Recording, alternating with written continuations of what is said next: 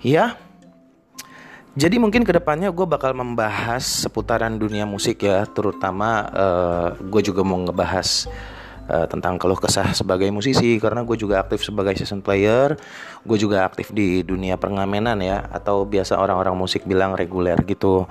Jadi gue juga main di reguler kafe-kafe di beberapa tempat di kawasan Jakarta ini.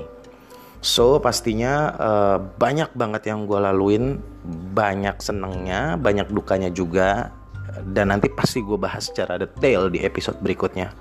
Oke, okay, thank you guys.